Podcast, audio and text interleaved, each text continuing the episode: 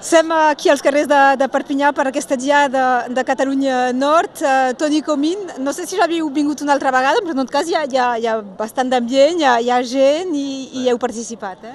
Bueno, és, molt, és un dia molt emocionant.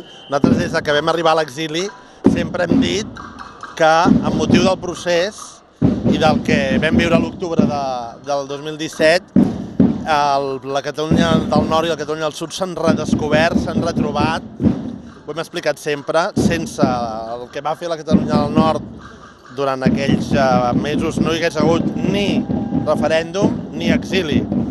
Per tant, jo crec que eh, és una, per dir-ho així, és una, és una descoberta que ara ja fa cinc anys que va començar, però és una descoberta històrica per part del sud, de, de que un, una part del país està aquí i que sense aquesta part és inimaginable el procés d'alliberament nacional. I avui és un punt d'unió, eh, es va poder veure en, en moltes eh, diades, en molts dies, de, que sigui començant per, eh, pel gran meeting del 29 de, de febrer, just abans de la pandèmia. Avui, o... avui és un punt d'unió claríssim, igual que molts de vosaltres baixeu l'11 de setembre a Barcelona, és obligat que, que pugin els catalans del sud el dia com avui a Perpinyà i així ho fan.